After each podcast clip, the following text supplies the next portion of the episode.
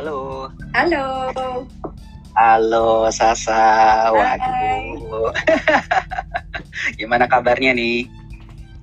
Ah, alhamdulillah sehat.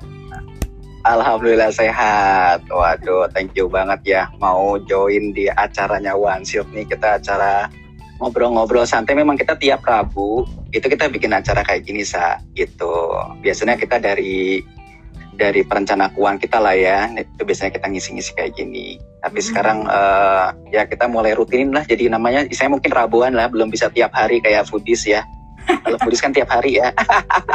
Kan itu banyak posnya. Oh, saya banyak ya kalau ya gitu ya. Posnya banyak, jadi ganti-gantian. Ganti-gantian ya. Wah, tapi aku asik kok, aku nonton juga kok gitu. Buat belajar dari iya dong, harus harus. Aku juga nyimak gitu ya. Dari berbagai sumber dan manfaat banget lah pokoknya. Sharing-sharingnya juga gitu. Ya, semoga bermanfaat. Emang kan eh, bulan puasa ini kan katanya harus memperbanyak amal jariah. Ah, ah, betul betul betul betul betul. Setuju setuju setuju. Ya. Jadi ya sekarang berhubung la- eh, semuanya lagi ada di rumah aja kan bingung ya. Eh, gue harus amal apa lagi gitu ya udah amal ilmu aja sama bisa ya cuma itu Amal ilmu pengetahuan kita ilmu sama ini pe- sama pengalaman ya gak, Sa? iya betul Iya kan? Pengalaman-pengalaman. Wah, kita bajunya sama nih sama-sama hitam ya kan hari ini. iya ya aman kayaknya aman aman Oke, aku mau introduce dulu ya buat Oke. eh, teman-teman yang udah pada join ya. Ini tadi eh, ada Mas Taufik ya, terus kemudian juga ada Dea dan lain sebagainya ya. Ada Agnes juga nonton juga sih oh, sebenarnya. Seru. Jadi eh, teman-teman buat yang belum kenal, terutama yang dari followernya One Shield ya kan, ya ini adalah Mbak Sarita Suteja ya. Sebenarnya sih mungkin eh, banyak juga yang udah kenal lah ya. Itu cuma aku pingin eh, cerita sedikit tentang Mbak Sarita Suteja ini adalah dia ini eh, founder dari Abnormal ya, bener ya? betul. Abnormal ter- terus kemudian juga produk-produk yang lain ada mungkin ada bakso bujangan nasi goreng mafia terus kemudian sambal Carmila dan sebagainya ya. Jadi eh, pengalamannya di industri kuliner tuh luar biasa. Apalagi dulu aku juga melihat perkembangannya Sasa ya dari awal ya waktu pas masih nasi goreng mafia ya waktu itu ya awalnya itu kan ya nasi Ya. goreng mafia ya saya iya iya. Ya kan? Betul. Waktu pas yang di Bandung itu ya ya Iya, kan? luar biasa banget terus berkembang wah gitu luar biasa gitu. Terus kemudian ya kita kita ini sekarang kan lagi situasinya banyak eh, beberapa orang gitu yang kurang beruntung mungkin kekurangan penghasilan tadinya double income jadi single income ya. Terus kemudian juga ada yang ternyata teman-teman kita pekerja freelance ya pekerja bebas jasa ya. Itu kan sekarang juga banyak yang menurun. Mungkin bisa jadi orderannya juga nggak turun kemarin-kemarin mungkin juga ke boosting tapi terus kemudian sekarang eh, kemudian jadi agak declining atau mungkin bahkan bisa jadi pembayaran dari klien-kliennya mungkin mundur juga. Jadi ya namanya hidup kan kita harus melanjutkan kan? Betul. nah ini aku perhatikan nih banyak yang melirik bisnis kuliner gitu ya. Jadi eh, ya mulailah jual macam-macam apa pun yang bisa dilakukan gitu kan. Nah aku pengen bantu teman-teman gitu ya supaya mereka itu jadi uh, punya wawasan kalau mereka pengen mulai dan sebagainya ya kan? Ya kita harusnya belajar langsung lah. Kalau yang bicara kita kita juga kan ya kurang afdol. Kita harus belajar sama yang memang sudah terjun di bisnisnya praktisinya dan udah tahu seluk beluknya dan sudah melewati berbagai situasinya juga. Tahun berapa dulu ya pertama kali Nasbro Mafia itu ya saya? Skor Mafia itu 2013 nih. 2013 ya 2013. awalnya ya. Oke, 2013. eh, terus kemudian eh, itu langsung wah gitu pasti tentunya enggak dong gitu ya. Pasti ada perjalanan-perjalanannya juga kan ya, gitu kan. Iya. Nah, aku aku mau eh, tanya dulu nih. Jadi kalau buat bantuin teman-teman, aku coba jadi yang nanya dulu deh. Yang pertama, istilahnya kalau aku tuh ya tiba-tiba pingin putar apa namanya eh, langsung pivoting gitu ya dari financial planner terus jadi bisnis kuliner gitu misalnya. Misalnya masak aja nggak bisa mau main bisnis kuliner ya kan? Tapi nggak apa-apa deh kita coba bahas dari mulai yang kayak gitu-gitu ya. Tiba-tiba pivoting dari yang out of nowhere gitu ya terus kemudian eh, bisnis kuliner. Tapi gini deh opportunity-nya gimana sih sebenarnya eh, bisnis kuliner ini kalau dalam situasi kayak gini nih masih mungkin nggak sa? Gitu? Uh, Sebenarnya sih kalau bicara opportunity, uh, menurut aku sih kalau apa sih minjem istilah yang sering digaungkan lah ya selalu ada jalan lah gitu. Maksudnya kalau yeah, yeah. perusahaan pasti ada jalan. Terus kalau ngomongin tentang bisnis kuliner itu sendiri, uh, menurut menurut aku sih opini pribadi ya gitu. Selama kita uh, manusia itu masih hidup itu kan pasti selalu butuh makan ya, gitu. Jadi kalau menurut aku sih bisnis kuliner sih mau sampai kapan pun pastinya akan selalu hidup gitu. Hanya mungkin yeah, yeah, yeah. yang yang harus maksudnya gini sebagai pemainnya gitu, maksudnya sebagai orang yang punya bisnis di bidang kuliner yang paling penting itu kan kita yang harus bisa ngebaca gitu kan. Ini uh, si okay. konsumen-konsumen ini butuhnya seperti apa gitu. Maksudnya kalau kalau contohnya gini lah. Dulu mungkin waktu zaman belum covid-covidan kayak kayak sekarang gitu ya Uh, dulu kan uh, beberapa tempat bisnis itu kan ada yang menyajikannya bukan bukan mengedepankan si makanannya atau minumannya, ada juga yang mungkin menjual suasananya, maksudnya uh, whole experience-nya ya gitu. Tapi kan uh, yeah, yeah. sekarang nih, sekarang uh, masa pandemi COVID-19 kayak sekarang itu kan kita nggak bisa lagi membranding, menjual atau berkomunikasi lebih ke kebersamaannya gitu kan. Terus apa uh, meeting roomnya gatheringnya nggak bisa begitu gitu. Atau misalnya uh, meeting informal yuk ngopi-ngopi di mana? Itu kan nggak bisa lagi kalau sekarang gitu. Nah uh, tentunya kan apa sih atau misalnya kayak uh, makan keluarga di Carmila misalnya itu kan nggak bisa dilakukan kalau sekarang gitu. Jadi akhirnya iya iya. uh, ya karena kondisinya kayak sekarang uh, kita mungkin harus mulai bisa ngebaca si tren-tren yang ada baik Indonesia maupun dunia gitu kan. Jadi aku sih lebih lebih prefer sih bahasnya sebenarnya Indonesia aja karena dunia terlalu jauh lah gitu kan terlalu jauh. Iya iya iya iya. Kita yeah, baca market yang deket-deket kita dulu gitu kan. Nah,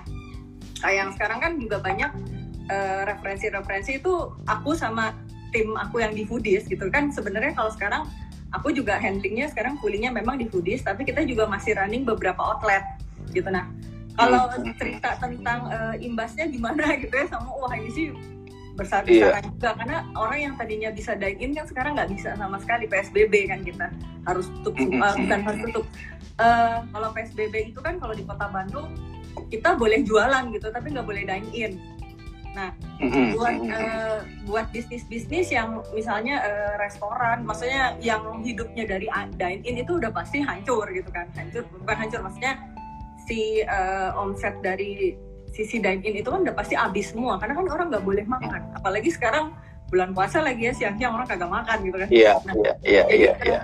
nah akhirnya kita kan harus putar otak ya gimana caranya kita uh, survival mode lah gitu. Nah kebetulan aku juga uh, selain punya outlet sendiri karena uh, aku kan sekarang lebih aktifnya memang di foodies ya foodies.id maksudnya itu kan foodies itu kan platform belajar kuliner uh, platform belajar hmm. kuliner di Indonesia lah gitu. Jadi pebisnis kuliner hmm. bisa belajar ilmu-ilmu di situ. Nah, kebetulan kita juga punya uh, community-nya. Jadi sering tuh kita berinteraksi di grupnya atau misalnya beberapa kalau yang udah kenal sih pada japri-japrian kan ngobrol gitu nah. Iya, iya. Uh, kalau dari mereka sih aku bisa simpulkan ya maksudnya gini. Jadi uh, pada saat kita lagi uh, pandemi COVID-19 kayak sekarang uh, pivot yang harus dilakukan itu uh, lebih banyak kita harus adaptasi sama kondisi sekarang. Misalnya karena orang sekarang ada di rumah semua itu mereka uh, cenderungan kan uh, tetap makan makan tetap harus ya. Sebagian besar ada yang jadi masak sendiri di rumah. Tapi ada juga yang misalnya dia uh, beli di luar. Nah kayak yang masak beli di luar uh, itu tersolusikan lah ya dengan semua pengantaran pengantaran online. That's why kita di outlet yang punya outlet lah gitu ya itu harus mulai mikirin gitu kan apa um, produknya produk kita itu kira-kira bisa nggak sih dibikin uh, online ke rumah? Bisa itu dalam bentuk okay. atau di stok gitu. Makanya kalau kita lihat kan uh, di sosial media juga berasa sih kalau gue ya. Maksudnya kayak brand-brand sebesar kayak uh, kemarin sih gue ngeliat tuh Esteller 77 kan tahu ya? Itu kan biasanya mereka outletnya di mall semua. Otomatis yeah, yeah, semua ya gitu kan. Terus kemarin juga baca, ya kalau kita baca kayak Ismaya Group, kayak Boga Group itu kan juga mereka sebagian besar outletnya ada di mall. Nah udah pasti tutup mm semua. Nah sekarang bisnisnya berarti kan harus beralih ke yang sifatnya um, delivery to konsumen atau misalnya uh, di DIY, DIY, do it yourself gitu atau misalnya do it yourself. Ya, do it yourself atau misalnya kayak si Estella 77 kemarin gue lihat mereka tuh sampai sekarang jual uh, apa ya? Mereka tuh sampai sekarang jual kayak ayam frozen, bakso frozen. Itu kan maksudnya salah satu cara yang menurut gue sih itu sangat survival mode. Atau misalnya kayak kafe-kafe kopi itu sekarang udah mulai jual kopi satu literan which is kayaknya semua orang udah tahu lah ya gitu kan. Itu kan sebenarnya salah satu survival mode yang dijalanin sama industri kuliner sekarang gitu. Jadi hmm. ya sebenarnya sih kalau menurut gue ya pandemi ini hmm, bisa dibilang memang ini musibah lah ya gitu. Musibah global kita yeah, bisa yeah. juga. Tapi yang paling penting itu adalah kitanya sebagai bisnis kuliner itu bisa apa ya menanggapinya gimana gitu? Apakah dengan mahal yeah, gitu yeah. kan? Atau justru uh, ini dijadiin kayak semacam apa ya tantangan lah training untuk untuk kayak mereview kembali. Sebenarnya uh, apa model bisnis kita selama ini itu udah bener atau belum? Terus kayak misalnya uh, revenue stream yang kita selama ini udah break itu sebenarnya ada nggak sih yang perlu direview ataukah kalau survival mode kan kasarnya gini lah. Kalau sekarang sih kalau gue lihat teman-teman kuliner yang lain tuh bener-bener apa aja yang gue bisa jual gue jual deh gitu kan. Kayak, iya maksudnya kayak iya, iya iya iya. jualan apa ya misalnya kayak jual biasanya jualan ayam geprek misalnya gitu kan. Nah sekarang tuh mereka sampai cabenya aja dijualin gitu botolan gitu. Jadi cabenya oh. iya cabenya dijualin botolan. Atau kalau kita lihat uh, apa ya kayak brand-brand besar kayak Boga Group aja gitu. Mereka itu sampai bisa jual misalnya uh, Boga Group atau apa ya kemarin gue lihat ya. Pokoknya ada beberapa brand-brand gede tuh sampai mereka jual misalnya kayak uh, apa ya misalnya capcay gitu ya. Nah capcaynya itu sampai kemasnya itu bener-bener duit yourself. Jadi lu pulang ke rumah tinggal cemplungin gitu loh. Sampai kayak gitu. Tapi ya menurut gue itu sih sangat solutif. Bukan solusi ya maksudnya ya kita sekarang survival mode bahkan ada temen yeah, gue yeah, di yeah. outletnya bisa bisanya dia jualan uh, maksudnya gini dia itu kan biasanya jualan saya bebek sama ayam gitu ya bisa loh sekarang dia jual uh, bebek uh, dia jual bebek jual ayam frozen uh, bisa dibawa mm-hmm. dianterin lah online gitu ya bisa dianterin dibawa pulang ke rumah itu bisa plus masker atau sanitizer oh iya jadi oh. jadi uh, maksudnya uh, ya ya sekarang kita mau nggak mau harus gitu ya maksudnya jangan apa ya banyak juga sih yang kemarin bilang oh masa sih lu brand gede? Eh maksudnya lu punya brand biasanya kan keren apa gitu kan. Ya elah masa jual literan? Ya gue bilang emang gak apa jual literan? Eh, nggak eh, ada yang salah kok orang gue kagak nyolong gitu kan. Yang paling penting kan ya kita sekarang memang harus survive. Karena kan si roda dapur itu kan harus ngebul juga ya. Karyawan betul betul betul karena kan uh, sebisa mungkin kan kita ingin banget itu nggak ada perumahan inginnya tuh kan aduh gimana caranya mereka tetap bertahan. Kalau yang uh, oh ya sama kemarin gue coba sedikit sharingnya. Kemarin kan gue sempet IG live juga ngobrol sama Prabu Revolusi itu nah, dia cerita dia juga punya dia kan juga punya tempat Prabu take-nya dia ya ya kan? Ya dia aja sampai cerita. Gitu ya. jadi beberapa um, karyawan dia dulu waktu di bulan kita kan kalau nggak salah mulai heboh COVID itu di awal Maret ya, bener kan ya? Gitu. Nah, hmm, uh, awal Maret. di Februari kalau nggak salah dia cerita Februari itu dia udah tahu sebenarnya akan ada gonjang ganjing inilah gitu gitu. Jadi waktu itu Februari dia udah kumpulin semua karyawan dia, terus dia bilang. E, ini saya kasih tahu sebuah kondisi gitu uh, begini begini begini begini nah saya tawarin gitu dia bilang untuk karyawan-karyawan saya uh, kalian mau nggak yang yang apa ya yang asalnya bukan yang dari luar Jakarta itu di offer gitu. Kalian mau nggak misalnya uh, resign aja terus pulang kampung? Memang ditawarin sama dia.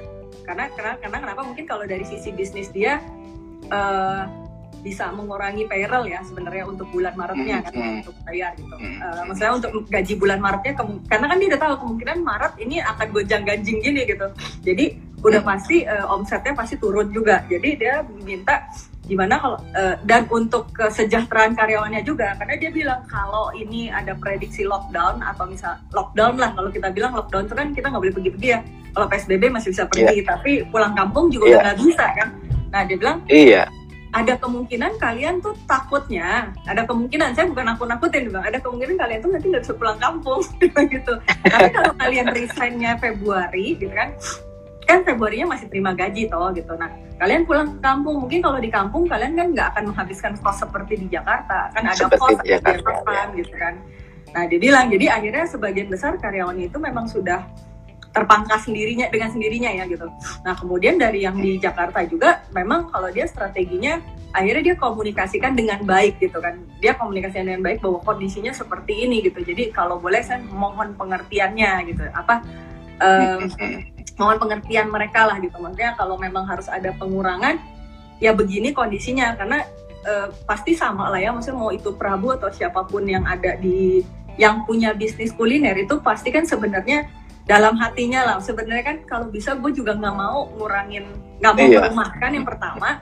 Kemudian kedua kalau bisa gue juga masih tetap pengen bayar penuh gitu loh. Tapi kan masalahnya omsetnya nggak ada. Jadi akhirnya ya survival mode survival mode gitu. Jadi selain menjual apa pun nah biasanya jadi si siapa?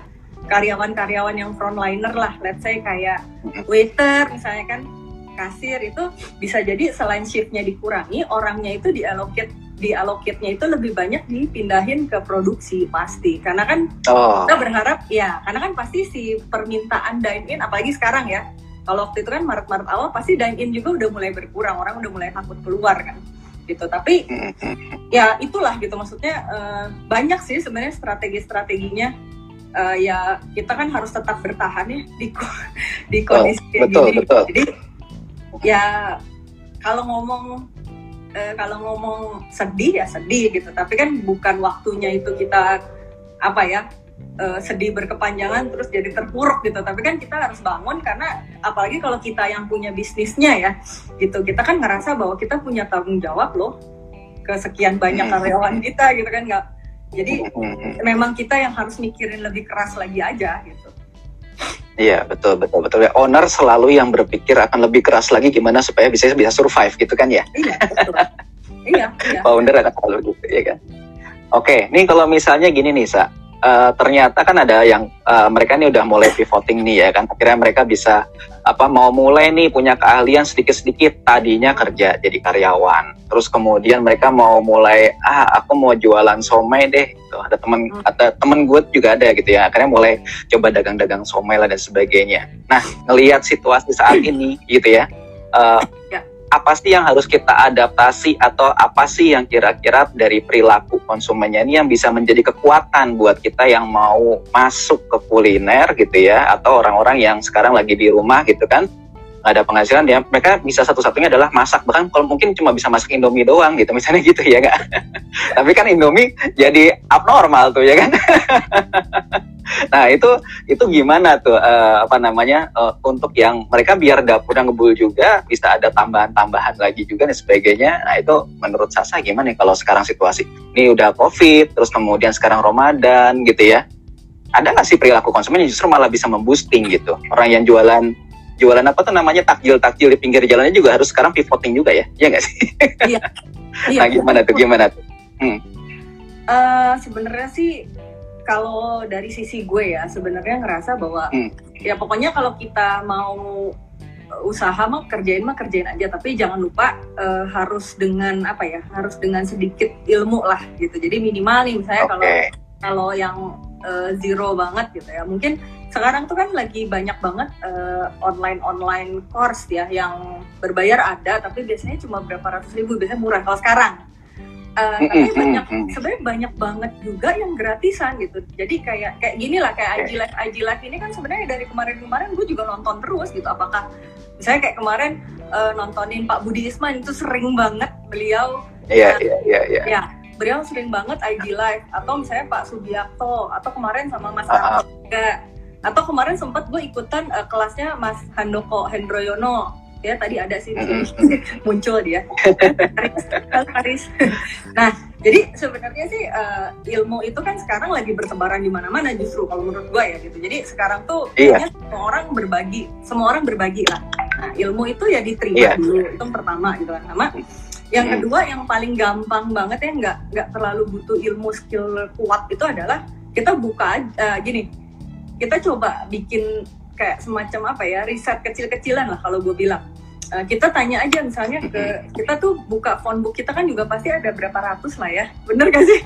Gitu apa iya iya iya. Kita pasti punya kontak teman-teman kita itu kan pasti cukup banyak lah maksudnya nggak mungkin orang di phone booknya aduh telepon gue cuma tiga cuma rumah nyokap rumah kakak sama kantor kan nggak mungkin pasti banyak gitu kontaknya. Kan nah dari sana kita bisa uh, survei kecil-kecilan lah kita tanyalah ke 10 orang misalnya teman-teman kita gitu. Lu sekarang kalau lagi covid gini butuhnya tuh lebih ke mana sih? Atau buka ibu-ibu juga sekarang lagi banyak banget ya kalau kita lihat itu kan uh, sekarang pergeseran pergeseran perilaku orang kan mulai satu uh, lebih ke apa concern sama kebersihan kemudian yang kedua yeah, itu yeah. Uh, sekarang makanan yang dipesan online itu lagi boomingnya luar biasa gitu kan. Nah sebenarnya kita kan bisa manfaatin juga gitu. Oh ternyata uh, sekarang orang tuh concernnya itu lebih ke makanan yang online yang bisa di stok yang apa uh, yang frozen frozen. Jadi kayak tadi kan ngomongnya juga somai ya gitu kan. Itu yang paling umum banget sih pisang gitu kan somai. Nah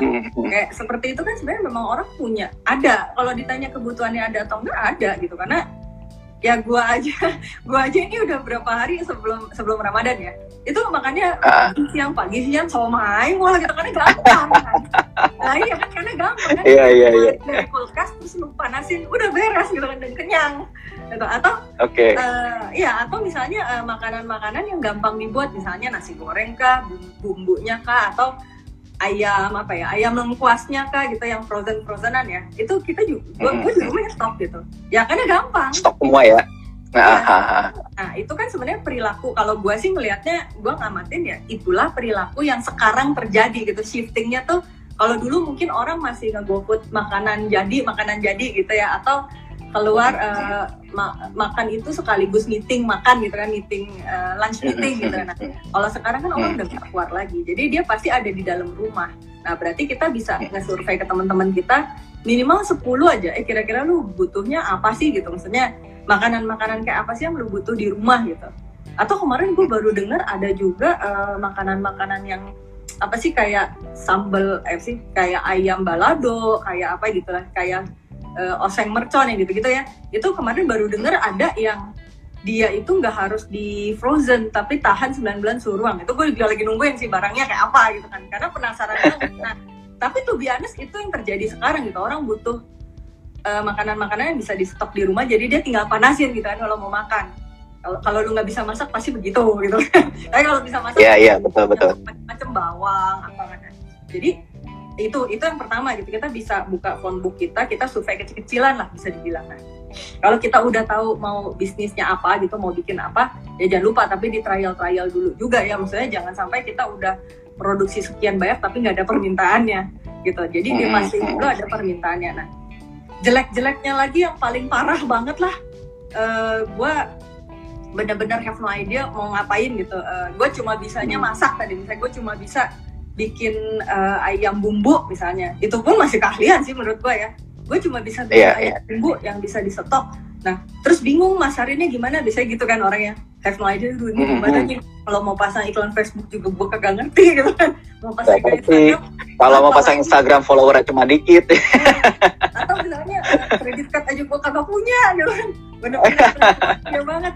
Ya kan kalau misalnya punya uh, ilmu uh, masang uh, iklan Facebook, iklan Instagram itu kan lu bisa pasang yang apa, yang area kan sebenarnya. Iya gitu. betul betul betul. Ini kan bener-bener, aduh gua nol banget, gua nggak ngerti sama sekali nih online onlinean gimana gitu. Nah kemarin sih gua hmm. dapat dapat insight dari si Mas Arto sebenarnya Mas Arto Biantoro.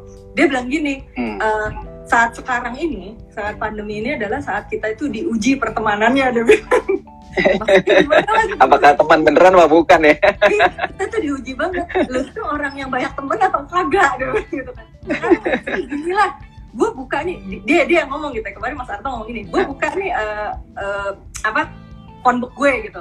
Terus gue lihat ada 200 kontak di situ gitu. Berarti kan artinya gitu ya, artinya tuh gue punya 200 temen yang sebenarnya bisa gue mintain tolong dia bilang gitu kan tapi satu hal ya yang perlu banget dicatat di garis bawahi dan dibuat lah gitu. Uh, jangan perlakukan temen lo itu kayak database. uh, temen temen gitu kan. Jangan jadi kayak database terus lu blast aja gitu. Itu tuh nggak sopan namanya gitu kan. Ya, sekarang kita balik ke diri sendiri aja gitu. Lu mau gitu di blast uh, di email blast atau di WhatsApp blast kan nggak mau sebel kan? Gitu. Jadi dia iya, iya. ya lu japri lah temen lu satu satu persatu. Kalau perlu uh, karena ini lagi survival mode banget gitu kalau perlu lu minta tolong minta tolong deh gitu. Maksudnya dia bilang kayak kayak kemarin pas dia ngomong ya ada speak speaknya lah ya. Ada Ya. speak speaknya dulu ya nggak seperti Heeh, dia bilang gini kasarnya gini lah gue punya barang nih dia bilang. Terus gue bilang sama lu sa gitu. Gue japri lu eh sa apa kabar? Sa eh, bisa nggak bantuin gue dong? Bulan ini lu beli satu aja barang gue gak ada gitu loh ya ini kan bener-bener cara goblok banget ya cara yang lu bener-bener Iya, iya, betul, betul, betul. gitu lah gitu. Jadi kayak gitu aja gitu. Ya masa dari 200 temen lo yang ada di phonebook lo masa nggak ada sih 20 aja yang beli barang lo? Kan nggak mungkin dia bilang. Tapi kan gimana Iya, lu nya mau atau enggak gitu kan? Eh, cukup kuat atau enggak gitu niatnya ngejapriin temen lu satu-satu. Let's say dia bilang "Eh, lu eh, lu tolonglah beli beli barang gua satu gitu. Ya lu masa nggak kasihan sih gitu kan? Dari 200 dari 200 temen lu itu gitu kan kalau sampai 20 aja nggak ada yang mau nolong itu berarti ya tadi eh, pertemanan lu bener-bener diuji banget lu beneran temenan atau kagak? Itu dari maksudnya itu kalau gue sih ngambil contoh seperti itu gitu loh. Atau misalnya eh, apa ya ya itulah itu tuh bener-bener cara paling basic banget sih menurut gue ya. Tapi kalau misalnya lu udah Iya. pernah jualan misalnya kayak kayak gue kan udah pernah punya outlet ya gitu. Maksudnya Mhm. eh, konsumen pun mungkin database-nya nggak nggak semua ke, ke capture sih awalnya gitu. Tapi kan sekarang ketika kita udah mulai eh, kumpulin datanya satu-satu itu juga sebenarnya ada satu tools yang namanya WhatsApp Business kalau nggak salah nah itu tuh Mm-mm. juga sebenarnya kan bisa untuk meng mengcustomize balasan-balasan kita ya gitu. Tapi ya kalau misalnya lu ibu rumah tangga banget yang nggak ngerti sama sekali itu sebenarnya eh, nggak harus punya WhatsApp bisnis lah gitu. Kalau misalnya pesanannya, maksudnya pesanannya sehari masih 15 gitu kayaknya masih bisa lah gitu kan nanganin kan. Nggak Iya, harus pakai iya, bisnis. Tapi kalau udah sehari udah 50 nah kayaknya udah mulai butuh sih. Dan itu kan bisa dipelajari ya, asal kita mau atau Iya, enggak iya. mempelajarinya.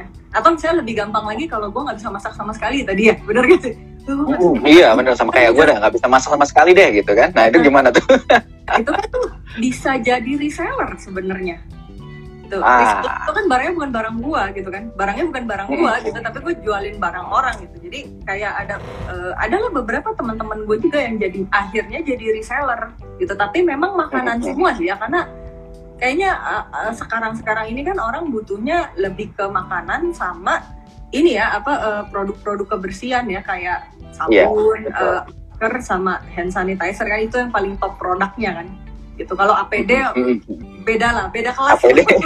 Gua saya kalau lu sebagai orang rumahan kayaknya eh, reseller APD kayaknya kejauhan gitu kan. Tapi kalau misalnya Kejauhan ya. iya kan? Tapi kalau reseller Iya, iya. eh, makanan cabe eh, apa ayam frozen, siomay atau misalnya eh, masker itu kayaknya masih kejangkau. Bisa lah gitu kan. Gitu. Jadi pilih produknya juga mungkin yang lebih apa yang lebih sehari-hari sekarang dibutuhin banyak orang sih Oke, dan juga itu ya tadi ya deket ya. Jadi jangan tiba-tiba jual makanan sama APD gitu ya, atau Iya. jual makanan sama keputihan gitu sekalian. Mas Balok Iya, iya. itu misalnya kan jauh Iya. Iya iya iya. Wah menarik banget tuh ya. Jadi ternyata nggak, kalaupun nggak punya kemampuan masak pun juga sebenarnya bisa jadi reseller ya. Bisa bisa ambil aja mana produk yang lagi bagus dan enak di luar gitu ya. Kita bantuin promote, kita juga bantuin selling ya kan. Nah itu ternyata juga bisa jadi opportunity juga ya gitu ya. Jadi sebenarnya opportunity-nya selalu ada. Nah, sekarang gini misalnya, kan gue perhatiin ya teman-teman grup-grup gitu ya, jadi eh, dari teman-teman gue juga gitu ya. Ini ada yang sudah mulai kan kan memanfaatkan tadi database. Database terkenal kan biasanya kan ya grup WA lah dan sebagainya. Nah, ini udah mulai pada mulai jualan macam-macam macam. Nah, misal nih, misal kebetulan sih nggak ada ya. Tiba-tiba ternyata ada yang produknya benturan nih. Eh, dia juga jual. Eh, gue juga jual.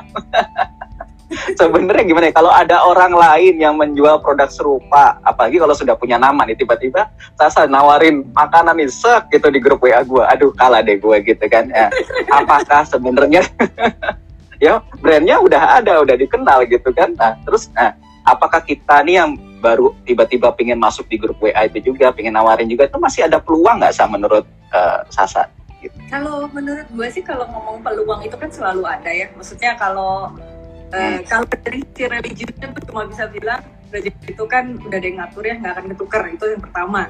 Itu harus kita pahami dulu lah untuk jadi pedoman menurut gue ya gitu. Kalau gue sih selalu yakin bahwa eh, apa yang ditakdirkan Allah buat gue itu udah pasti buat gue kok nggak akan lari ke Mas Budi gitu loh.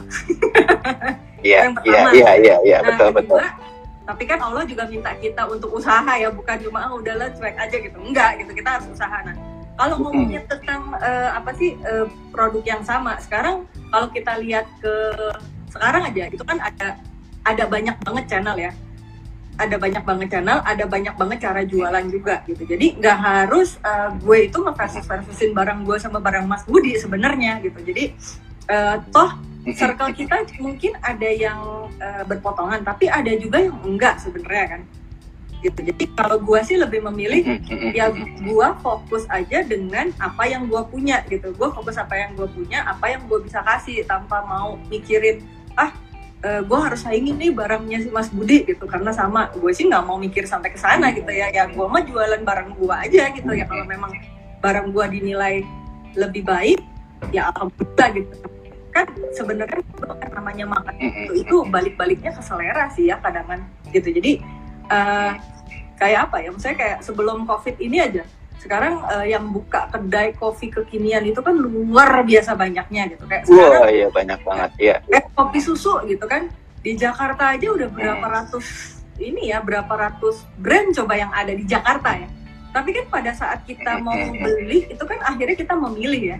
Memilih si brand A dibandingkan brand B. Karena gue yakin banget itu pasti lebih ke preferensi sih. Setiap orang pasti punya selera masing-masing. Mungkin aja orang lebih suka eh, barangnya Mas Budi dibanding barang gue gitu eh, rasanya ya.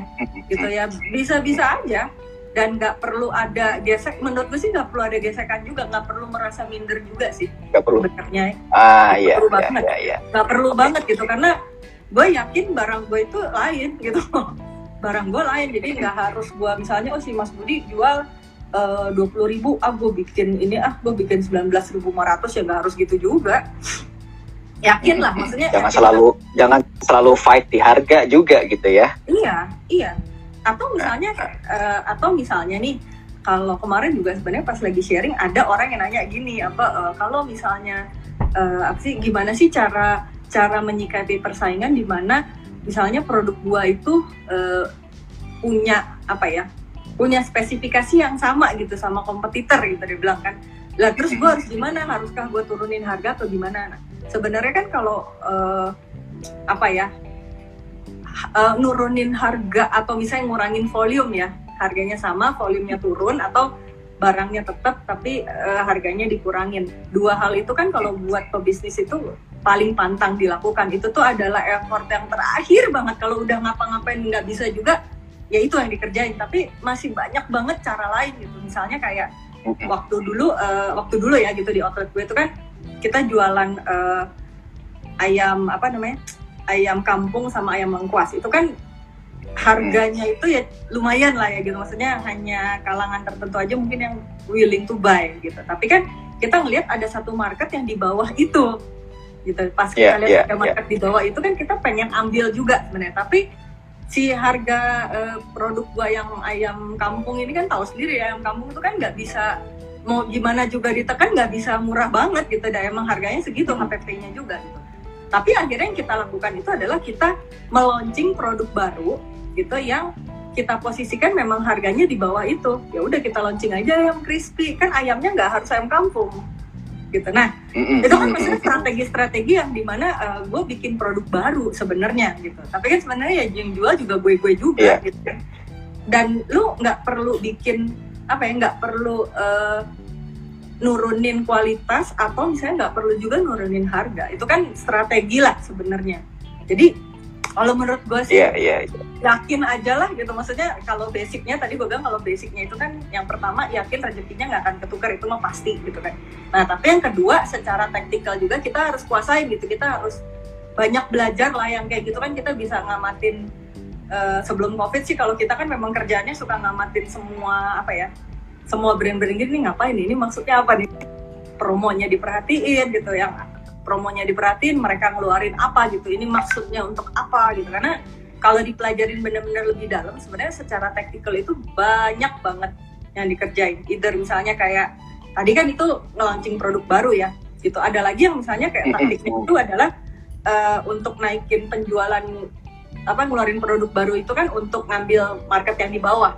Ada lagi yang sebenarnya kayak misalnya kita ngeluarin gini kayak waktu itu kita pernah ngeluarin ini jadi kalau jam jam kalau kita punya restoran tuh kan suka ada jam sepi ya bener gak sih makanya orang suka bikin Iya, betul. Ada happy jam. hour gitu Hmm. nah waktu itu kita Hmm. nggak bikin happy hour gitu tapi kita bikin Hmm. eh, waktu itu kalau nggak salah apa ya em, agak lupa pokoknya harganya murah banget Eh, kita paketin tiga indomie geledek waktu itu jadi pedesnya luar biasa gitu nah tapi kita memang plot Hmm. itu di jam yang bukan jam makan siang nah Oke, impactnya oke. ya impactnya itu adalah gini eh, mungkin orang yang beli paket itu mungkin kan nggak banyak tuh Terus kalaupun dia sekali datang itu dia pasti datangnya nggak sendiri karena paketnya tiga kan. Jadi mereka akan datangnya segrup. Apakah itu berlima, apakah itu berempat. Nah, eh, kita kalau misalnya ini kan psikologi banget ya. Kita pada saat datang berlima, berempat ke sebuah tempat, ke restoran gitu ya. Eh, walaupun datangnya karena si apa? Datangnya itu karena si promo itu yang tadi yang murah tadi yang tiga indomie geledek tadi gitu dan sengaja nggak kita kasih minum biar minumnya mereka beli gitu kan. Nah, itu kan udah pasti Ya. udah pasti yang dibeli itu kan gak cuma tiga itu bener gak sih Iya betul betul betul Iya, betul. jadi Orang akhirnya- pasti nggak mungkin hanya sekedar ah, iya jadi akhirnya ukuran keberhasilan programnya itu bukan dari jumlah paket produk yang kita launching di masa itu bukan gitu tapi ukurannya itu adalah eh, sales keseluruhannya naik atau enggak kan gitu. Sama eh, Iya iya. sales di jam itu di jam sepi itu itu naik nggak dibandingin bulan lalu kan gitu. Itu kan sebenarnya benar-benar taktikal banget lah inilah. Itu memang harus baca harus ngerti data gitu kan. Harus harus ngerti data harus ngamatin beberapa study case study case yang ada di di Indonesia juga banyak kok yang study case kayak gitu. Cuma memang nggak ada yang bikin itu jadi kurikulum ya gitu. Jadi itu memang harus Iya. kita pelajari di workshop workshop yang misalnya apa eh, kayak kalau sebelum covid ini ya gitu kan. Kalau di foodies itu ada yang namanya Food- foodies masterclass gitu. Nah itu juga biasanya mereka ngajarinnya sampai sedetail itu. Itu tentang operasional ya gimana ngutak-ngutik apa ya eh, costing di operasional kan. Gimana bikin paket-paket eh, strategi-strategi jualan di outlet. Kalau itu sih namanya ya gitu kan. Tapi Iya. sebenarnya kalau yang simpelnya sih kalau during covid ini yang gampang itu tadi sih gue bilang lo lihat satu eh, tanya-tanya aja lah misalnya ke 10 temen lo eh, kalau gue jualan produk ini kira-kira lu bakal beli atau enggak gitu kan terus eh, apa di apa ya di ya harus bener-bener kuat aja sih keinginannya gitu nggak malu juga gitu kan nggak malu dan yakin aja gitu bahwa ya produk gue bener-bener survival mode ya gue bisanya bikin cabai ya gue bikin cabai gitu kan. Karena itu tadi Bikin capek yang pedes gitu ya. iya kayak temen gue ya ada lah eh, ada pebisnis yang apa namanya ada pebisnis yang kemarin di apa sih eh, teman-teman dari foodies lah gitu. Itu kemarin juga dia cerita ya kayak gitu gitu. Gue biasanya jualannya tuh kan nasi sama ayam geprek kan gitu. Nah kalau Hmm, sekarang kan tapi juga orang eh, konsumsi nasi sama ayam gepreknya itu kan nggak sebanyak dulu. Nasinya pasti bikin di rumah ya nggak sih? Paling cuma beli Iya, ayam betul. geprek. Geprek tuh kan nggak akan setiap hari juga makan ayam geprek gitu kan? Ya udah Iya gitu iya iya. eh, ayam geprek ayam geprek dia tetap jual gitu. Tapi ayam frozennya juga dia jual cabai botolnya juga dia jual gitu loh. Jadi ya itu tadi gue bilang kurang-kurang sama dia sekali dia jual masker. Ber eh, bener ini gue nggak bohong loh maksudnya temen gue yang jualan ayam geprek terus jualan bebek gitu dia jualan masker Iya, iya. Sekarang- sama hand sanitizer juga kalau perlu ya ditawarin juga. Mau pesen hand sanitizer juga nggak gitu ya? iya Oke, oke. Iya. Jadi jadi apa namanya cari produk-produk sampingan yang bisa nambahin lagi sales lagi gitu ya. Wow, menarik banget gitu ya. dan nggak harus produk lu ya maksudnya kan dia Ah, juga eh, masker sama hand sanitizernya dia nggak jahit dan nggak produksi sendiri Betul, betul. Iya, betul, betul. Tapi bisa langsung one stop aja dia sekalian belanja dan sebagainya gitu kan ya. iya Oke. Nah, menarik banget nih. Jadi sebenarnya nggak perlu khawatir mulai kalau ternyata produknya sama karena produk bisa jadi beda-beda gitu kan ya.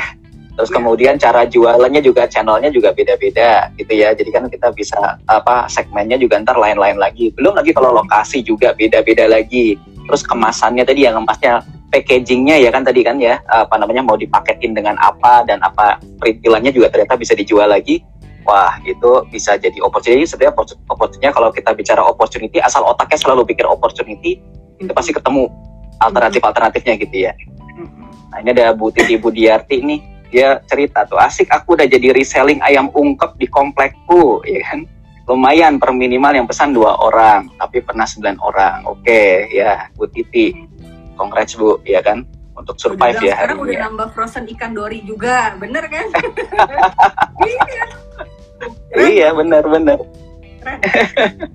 Bu Titi ini emang luar biasa. Apa namanya jiwa jiwa bisnisnya tinggi juga nih Bu Titi ini. Oke terus terakhir nih pertanyaan terakhir nih Sa. Apa saja nih kalau biar kita kan mau bisnis kan pasti pinginnya untung gitu kan ya? Iya Nah, kalau gua baru baru mau gua baru mau mulai bisnis, takut salah-salah, bukannya untung malah jadi buntung. Gimana cara meminimalisir ya kan kemungkinan rugi saat baru pertama-pertama kali uh, mulai bisnis kuliner? Hmm, pas pertama ya, ya itu tadi sih sebenarnya harus eh, ini kepalanya itu harus banyak diisi banget sama ilmu sih itu yang paling penting. Kadang kan Itu kita kan- ilmu ya. Oke. Iya, kadang kita itu kan kadang kalau lagi kepepet lebih ke udah jalan dulu aja gitu kan. Sebenarnya ya plus minus ya gitu. Maksudnya kalau eh, kalau sekarang lu kayak dipaksa untuk bergerak terus kan kalau sekarang ya. Kalau misalnya lu nggak Iya, bergerak, mati kalau sekarang. Nah, paling ya harus bener-bener disiapin dari apa ya namanya ya dari dari detailnya sih yang harus disiapin gitu. Saya lu mau jual misalnya produknya produk apa gitu kan. Kemudian eh, nentuin harga jualnya. Nah, dalam dalam nentuin harga jual itu kan kita juga harus survei. Jangan oh gue maunya segini gitu ya, jangan gitu. Tapi Mhm. maksudnya survei itu searching lah di online gitu kan. Sebenarnya nge-googling bisa, kemudian melototin Instagram juga bisa. Itu kan eh, yang sebenarnya harusnya kita bisa ngerjain itu sekarang ya, karena kan nggak ke mana-mana, nggak ke mana-mana gitu. Jadi kalau kayak apa ya kayak gue gini, gue sama teman-teman yang lain lah, kita kan semua kerja dari rumah juga kan sebenarnya. Mhm. Jadi laptopan di rumah, kemudian kayak kalau yang punya tim gitu ya, kalau yang punya tim, kalau gue sama tim gue sih hampir tiap hari tuh kita tuh bikin apa ya namanya ya. Kalau dulu kan kalau di kantor kita namanya briefing ya. Kalau sekarang karena kita di rumah masing-masing jadi kayak briefing pakai Zoom gitu. Jadi koordinasi harian aja gitu. Karena kan tetap anak outlet kan tetap masuk ya, tetap uh, produksi produk kan mereka kan tetap pesanan nasi box lah, pesanan apa gitu kan tetap ada. Jadi ya lu harus apa ya ibaratnya ya, harus bikin planning sih yang paling penting selain punya pikir ilmu. planning juga ya. Iya harus planning gitu. Jadi eh, nentuin harga jual. Pokoknya intinya kalau anak-anak consulting tuh nyebutnya data dan fakta lah. Tetap lo harus Oke. punya data dan fakta sama harus punya ilmunya gitu. Kalau kalau nggak bisa ya belajar gitu karena kayak temen gue nih si Steph gitu ya. eh, sebulan yang lalu itu sebelum sebelum covid sih sebenarnya eh, untungnya kita itu kan tadinya memang mau udah udah kepikiran pengen mulai belajar pengen ngegarap sistem reseller sebenarnya. Nah jadi waktu itu si Steph itu eh, memang dikirim belajar sama Kang Dewa, atau kan Dewa Selling ya. Itu kan udah ilmunya udah jelas lah ya. itu kan udah jelas lah Iya, iya. kok gitu jualannya. Jadi memang waktu itu si Steph training kalau nggak salah lima hari full sama Kang Dewa kan. Workshop gitulah. Ngelotok tuh pasti. Abis itu dia balik, dia sharing, memang dia praktekin, dia memang harus di trial tapi ya maksudnya lu nggak bisa yakin bahwa setelah workshop pasti 100% berhasil ya enggak gitu. Jadi dia juga dia eh, mencoba gitu melakukan mempraktekkan ilmu yang dia punya gitu. Selain dia sharing terus eh, mulai bikin tim dan lain-lain ya sekarang tiba-tiba kena covid kan. Wah gue bilang ini tuh kayaknya emang emang segala sesuatu pasti ada hikmahnya lah gitu. Jadi eh, sekarang tuh dia udah ngejalanin gitu. Sekarang kita udah punya sekian ratus reseller sekarang gitu ya hanya dalam waktu eh, dua bulan eh, kurang dari dua bulan gitu. Ya memang tapi ya memang harus lu belajar dan harus lu kerjain gitu sebenarnya kan. Harus di planning harus dikerjain aja. Jadi kan dan dia belajar gitu. Maksudnya dia belajar dia juga nggak bisa tadinya gitu. Dia belajar lima hari itu. Lima hari nginep. Gitu. Jadi Dan ya harus praktek gitu ya. dan itu lima hari nginep itu kan bukan sesuatu hal yang mudah ya untuk lu belajar. Itu kan eh, apa ya mabok juga lah lima hari kayak gitu kan tapi ya memang harus apa ya eh, apalagi during covid kayak sekarang gitu ya lu survival mode ya kerjain aja apa yang lu bisa kerjain Iya. Misalnya kalau kita naik sepeda genjot aja terus ya, genjot aja terus gitu ya. ya jatuh okay. berdiri lagi gitu tapi kan tetap kita harus uh, punya dasar masih gini kalau gue sih ingat dulu waktu gue uh, belajar sepeda ya dulu gue tuh kan dibilangin sebelumnya pokoknya gimana caranya lurusin rodanya kan gitu itu kan teorinya ya benar gak sih iya benar benar, ya, benar tapi lo harus punya teorinya dulu gitu kan Oh, iya benar benar. Iya kan nggak lu lihat oh orang naik sepeda kayak gitu ya udah juga coba tapi nggak tahu tekniknya gimana. ya tetap jatuh terus juga gitu. Tapi kalau lu udah belajar apa ya udah udah dikasih tahu oh pokoknya uh, teorinya tuh gini rodanya harus lurus kan gitu kan rodanya lurus mm -hmm. jadi kan akhirnya pada saat lu cobain cobain terus itu pada saat lu berlatih ya memang jatuh tapi lu punya satu teori bahwa oh rodanya harus gue lurusin kan gitu iya betul betul nah ini uh, apa namanya dari Woku Manado. Wah, Woku Manado ya kan. Ini adalah sebenarnya punya ibu saya ini Woku Manado. aku juga tadinya perias pengantin. Iya sih, memang sih bisnis ibu itu adalah rias ngantin awalnya. Otomatis sekarang saat covid gak ada lagi dong rias dong. Nggak mungkin kan rias jarak jauh secara online kan nggak bisa kan, gitu kan. Orang beralih jadi bisnis kuliner masakan Manado, Woku Manado, ya kan. Alhamdulillah sudah mulai ada pelanggan tetap. Ya sih memang bergulir terus sih ya gitu. Tapi alhamdulillah tuh bisa cepat switch lah. Pivotingnya juga bisa cepat. Oke, okay thank you ya Sa atas uh, apa wah ini ada apa namanya ilmunya, pengalamannya. Memang Sasa ini pengalamannya hebat ya. Terus kemudian juga orangnya rendah hati. Aku coba simpulkan dari apa sharingnya Sasa ya. Pertama situasinya boleh aja begini ya kan. Situasi bisa ya namanya orang bisnis ya. Kadang up and down gitu kan. Dan ternyata ternyata betul-betul sekarang dihantam badai gitu kan tapi bukan masalah situasinya tapi adalah gimana cara kita meresponnya gitu ya. Dari yang pertama ya. Terus kemudian semua butuh knowledge-nya dulu. Ya kan kalau kita mau bisnis kuliner kita juga selalu perhatikan ilmunya juga gitu. Bahwa semua ada jurus-jurusnya juga pelajarin dulu gitu kan. Jangan hmm. tiba-tiba masuk juga tanpa rencana juga. Nanti apa namanya bakalan uh, bikin rugi juga gitu ya. Terus jangan takut kalau misalnya ini ya harus tadi ya segala jurus dikeluarin. Bahkan kalau perlu misalnya mau nawarin punya database sekian banyak itu kalau kita sebutnya natural network sih sebenarnya. Ya. ya kan? Itu kan ya, adalah ya, ya, benar, network benar. alamiah kita tuh kan. Ya, ya itu masuk ya, kita nggak bisa nawarin asal kita tapi tadi tetap tetap ada mannernya, kita tetap ada tokohnya gitu ya, jangan tiba-tiba di broadcast gitu ya, siapa yang mau kayak kita nyebar brosur, dilemparin brosur gitu kan, gitu kan, ya. sama teman-temannya. Nah ini ada ada ada pertanyaan nih kita masih ada waktu dikit lagi. Kak boleh diceritain tuh gimana dua bulan bisa sampai 100 reseller? Waduh ini sih jurus ini ya jurus kayaknya bisa dua jam sendiri ini nyeritain ini bahkan lima hari tadi belajarnya ya kak. Jadi lima hari lo belajar kayak itu sih sebenarnya kalau nanya kayak gitu tuh harus dijawabnya as a teknis ya dan itu kayaknya mendingan yang sharing orangnya langsung jangan saya. Ya nanti next time kita akan belajar itu apa reseller dan sebagainya itu langsung ke orangnya. Semoga orangnya juga mau berbaik hati. Bayangin loh ini apa bos-bos ini mau turun gunung sharing ilmu itu waduh luar biasa banget itu ini mahal lah ya ilmu yang mahal banget. Jadi uh, thank you banget. Nah ini ada Bu Titi tadi. Ya Bu Titi yang tadi tuh yang dia punya itu sudah mulai reseller. Dia mau jadi resellernya Mas Asa loh tuh. Mau dong jadi resellernya Mbak Cantik nomor HP ku sudah ada di Pak Budi. Saya tunggu ya Mbak. Nah tuh minta dibacain coy. Boleh. Mbak Titi kalau nggak nanti uh, nge-DM saya aja Mbak biar kita ngobrol. Langsung DM aja di Instagramnya at Sarita Suteja ya, gitu ya. Dot Suteja. Oke. Okay. Nah eh, ini ada Mbak iya, nanti, nanti kita DM ah, aja lah. Kita DM, nanti saya uh, infoin juga ke dia gitu. Oke, okay, terus kemudian ada lagi satu lagi, nah, bentar. Mbak Lucy, kalau baru mau bisnis kuliner dalam kondisi krisis begini, alternatif sumber modal bisnis bisa dari mana saja? Nah, gimana nih? Dari mana saja nih? Kalau krisis nah. gini sih, kalau aku sih mikirnya kita cari aja dari sumber terdekat dulu ya gitu sebenarnya. Karena kan ini survival mode semua orang juga pasti lagi nahan semua investasi kan.